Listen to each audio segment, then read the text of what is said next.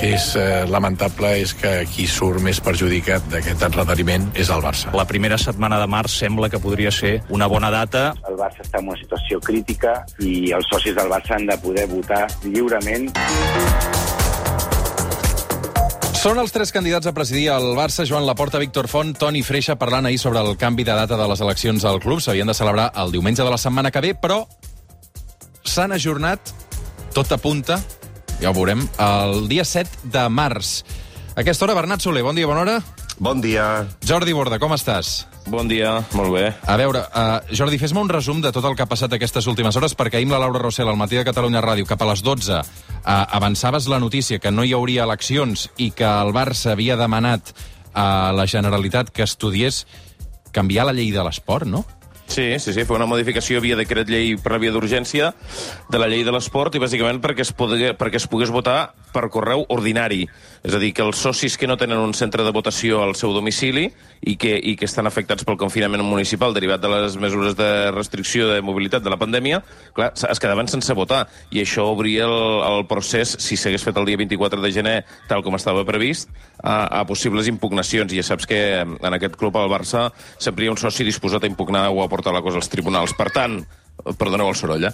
Per tant, eh, eh, el que es va fer va ser una reunió entre el govern i la Junta Gestora i allà eh, Tusquets, que és el màxim responsable de la gestora, el que va fer va ser demanar que es faci aquesta modificació legislativa, que es faci per la via d'urgència el més aviat possible i que es pugui votar per correu, de manera que tothom té garantit el seu dret a vot si és que s'activa el, el, el vot per correu ordinari. Hi ha molta gent que es pregunta això no es podria haver fet abans, demanar el vot per correu ordinari?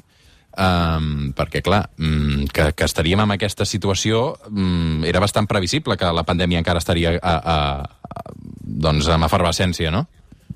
Eh, ho, va, ho va fer, eh, el Barça. Eh, ho va fer concretament eh, la directiva del Barça abans de la, de la dimissió de Josep Maria Bartomeu, quan hi, va, quan hi havia en marxa la moció de censura i s'havia de buscar una data per la votació. I el, en aquest cas, doncs, la, el govern de la Generalitat, a través d'algun... no sé exactament quin, quin organisme va ser, però des d'un punt de vista jurídic, es va lliurar al Barça un informe on es deia que no, que no eh, es podia fer. La llei de l'esport, que és la que regeix doncs, tots els clubs esportius de Catalunya i que, i que eh, està feta per, per la Secretaria General de l'Esport, bueno, i votada, evidentment, pel Parlament, eh, de forma, diríem que anòmala i potser podríem arribar a dir incomprensible, no contempla que els clubs esportius puguin eh, escollir eh, els seus, eh, les seves directives a través del vot per correu, que és una cosa que, en canvi, en les eleccions convencionals hem fet tota la vida. I, i per tant, aquí hi ha, hi ha una primera anomalia. Això el Barça ho va demanar al mes de setembre, finals de setembre, des de la Generalitat es va dir que no, i un cop Tusquets va arribar a la presidència del Barça com a, com a causa de la, de la dimissió de Bartomeu, va preguntar-ho, i en el club li van dir no, no, tenim aquesta carta de la Generalitat on es diu que no ens deixen fer vot per correu.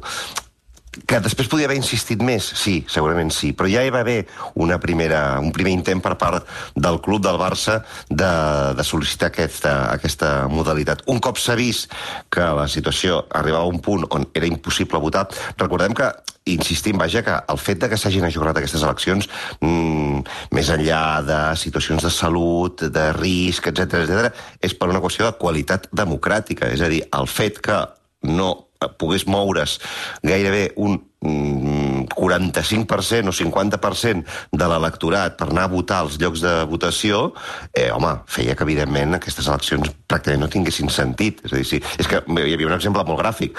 Víctor Font, que és candidat a les eleccions del Barça, viu a Granollers. No podia desplaçar-se a Barcelona, al Camp Nou, a votar Eh, estàvem parlant ja d'una situació kafkiana. Uh, per tant, aquest 7 de març uh, és una data que es consensua ahir amb els tres candidats no? Uh, i amb el president de la gestora, no, Jordi? Sí, ahir la nit una reunió eh, que va començar a les 7 de la tarda, en horari tot costa.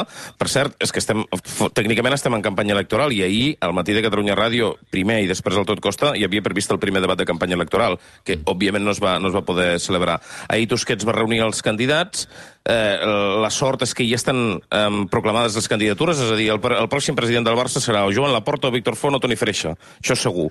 Per tant, eh, partint d'aquesta legitimitat i de la legitimitat que té el senyor Tusquets com a màxim responsable de la gestora actual, allà es van prendre decisions. Es va explorar la data del, del 7 de març, que en teoria eh, ha generat eh, un cert consens perquè es tira la pilota endavant, però només unes setmanes, eh, i després també es va consensuar no fitxar Eric Garcia. Tingueu en compte que, es, que, que al final, si es fan el 7 de març, les eleccions se celebraran 15 dies abans del que estava previst, només. Mm -hmm. uh, clar, uh, preguntes, eh? Els anuncis de l'estimem al Barça que hem sentit fins a les... Això s'acaba durant aquest període o no? Ho han de decidir ells?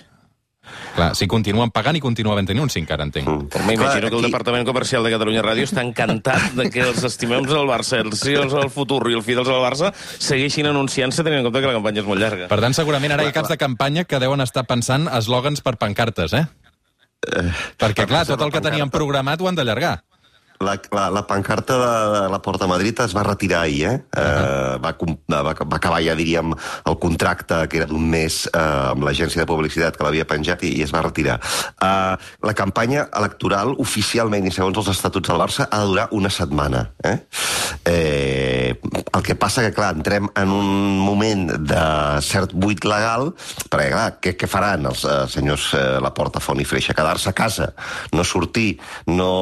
Aleshores, jo crec que aquí hi haurà un pacte entre, entre els tres, però fa l'efecte que continuaran havent-hi potser a un, o segur, a un menor ritme d'intensitat, però diríem hi continuarà havent xup-xup jo el que sí que et puc dir, Roger, ja que tinc el Jordi aquí també ja, ja, ja li, li confirmo que mm, no sé si podríem dir que tenim segona temporada de, de, del podcast La batalla del Camp Nou, però tenim set episodis més extras que no teníem previstos. Això Ens han renovat, no? Sí. Sí, sí, sí. sí. Uh, S'ha autorrenovat, el Borda. No, deixeu-me felicitar-vos perquè a mi m'encanta és La batalla del Camp Nou, aquest podcast que podem trobar al web uh, i a l'aplicació de, de Catalunya Ràdio amb el Bernat i el Jordi, um, cuidat sonorament i, a més a més, amb molta informació eh, que al final és el que busquem també els que estem enganxats a, a, a totes aquestes pugnes, les relacions, les rivalitats, eh, qui porta al darrere cadascú. Eh, està superbé i això vol dir que haureu de treballar de valent almenys unes quantes setmanes més, eh? Sí, sí, sí. Set eh, setmanes, no? Set, set, set setmanes més. Eh, ahir m'ho va comentar la, la Sònia Olear, que és la, la, la nostra redactora que, que ens dona suport, i vaig dir, doncs, doncs set, set setmanes més a buscar més protagonistes i sobretot a buscar més informació amb una campanya que ara, clar, fins ara ens, ens centràvem en una precampanya on hi havia fins a nou eh, personatges, ara ens limitarem a tres, però bé, suposo que, que donarà de sí. Jo crec que avui estan, avui estan les diferents diferents, els diferents grups eh, d'equips de campanya dels tres candidats eh, dibuixant ja quina és l'estratègia a fer durant aquestes setmanes. Eh? Recol·locar, diríem, el calendari d'entrevistes, eh, tornar a plantejar-se els debats com es faran... Una, una pregunta, una pregunta. De, dels tres candidats, qui estava més emprenyat ahir pel fet que no se celebressin eleccions? Aquesta és fàcil, Borda. La porta. D'acord. Estava preparat sí. en la porta després de l'impacte primer de la pancarta i després de les 10.000 firmes que va portar, que després van acabar en 9.000 i escaig, eh, clar, el que li, el, el, estaven per sobre de la onada i ja a una setmana de les eleccions eh, vaja, ho tenia guanyat i, i això, diguem-ne, li ha generat certs problemes. Tot i amb això parteix eh, molt per endavant de la resta de candidats de moment. Tu ho veus igual, eh, tu, eh, Bernat? Sí, sí, sí. La veritat és que la Porta eh, és el gran favorit. Eh, si les eleccions fossin com estava previst eh, d'aquí una setmana, tot apuntava que, que guanyaria i ara sí que és veritat que els altres candidats, i diria que en especial Víctor Font, que es dibuixa com el, com el segon, eh, tindrà, diríem, uns dies més per, sobretot, donar-se a conèixer, que és una mica el, el problema que, com a mínim, des de la candidatura detecten, no? que és que no és un personatge eh, prou conegut encara, perquè, de fet, és un, entre cometes, tot i que ell fa anys que està preparant aquesta candidatura, un nou vingut en tot l'univers eh, de polític blaurana, no? Clar, comparat especialment amb, amb Joan Laporta, que és un, un personatge conegudíssim. Però, tot i així, no sé si hi haurà temps suficient com per, per capgirar els pronòstics. Jo aquí no, no descartaria res, eh, Roger Bernat. És a dir, no, és cert aquest anàlisi i el subscric, però el, el tercer en discòrdia, que és el Toni Freixa, ha, ha, ha, de, ha de, com tot, reformular la seva estratègia, però ara, sense les presses, la pressió i amb aquestes set setmanes, jo... Eh, tots els escenaris són possibles uh, i, mm. i, aquí hi ha camp per córrer, la gent té temps per reflexionar, uh, pensar el seu vot, pensar la seva estratègia. Però què vols dir amb això? Jo- Que un pacte? No, o... que... No, jo, no, no, no, no, no, no estic parlant d'un pacte. Estic dient que, eh, així com les coses eh, fins a... Si s'haguessin fet les eleccions diumenge que ve, eh, des, ara ja es pot dir, des del meu punt de vista no hi havia, no hi havia partit, eh, i, i estava molt clar el primer, el segon i el tercer, bueno, d'aquí a set setmanes hem de veure, hem de veure si, si, si, si el primer segueixen el primer, que té molt avantatge, i si el segon i el tercer eh, hi poden haver canvis perquè tenen marge per, eh, per aquesta batalla. Molt bé, doncs uh, veurem si algun dels candidats també prepara alguna carta tipus David Beckham, que és al final el que va passar l'any que va guanyar la porta, Sí. que, que portava aquella carta i això d'alguna manera també va ser decisiu. Eh, És que et diria que aquell any, que és el 2003, és l'únic any on s'han trencat una mica els pronòstics i on el favorit i el que semblava claríssim que anava a guanyar, que en aquell cas era Lluís Bassat, mm, acaba no guanyant, no? En la resta d'eleccions gairebé sempre, sempre, sempre eh, no hi ha hagut sorpresa i, i era fàcil preveure qui, qui s'enduia les eleccions. Per tant, jo crec que ara mateix tenim un Laporta favorit, hi ha set setmanes i en aquestes set setmanes s'ha de veure si passarà alguna cosa, però tinc la sensació que ha de passar alguna cosa. Si no passa res i tot continua amb aquesta inèrcia, serà difícil que hi hagi sorpresa. Doncs uh, ho seguirem uh, i us escoltarem a la batalla del Camp Nou, al podcast, al Tot Costa i a tot arreu. Um, Jordi I demà, Borda... I demà final de la Supercopa, eh, Sí, Roger? uh, això està mal vespre, no? A les... Demà a les 9, Barça Atlètic de Bilbao. Déu-n'hi-do. Uh, divertit també la, la semifinal, eh? Amb aquest final brutal del Ter Stegen. Uh, Bernat Soler, Jordi Borda, una abraçada, moltes gràcies. Adéu, bon dia. Adéu-siau.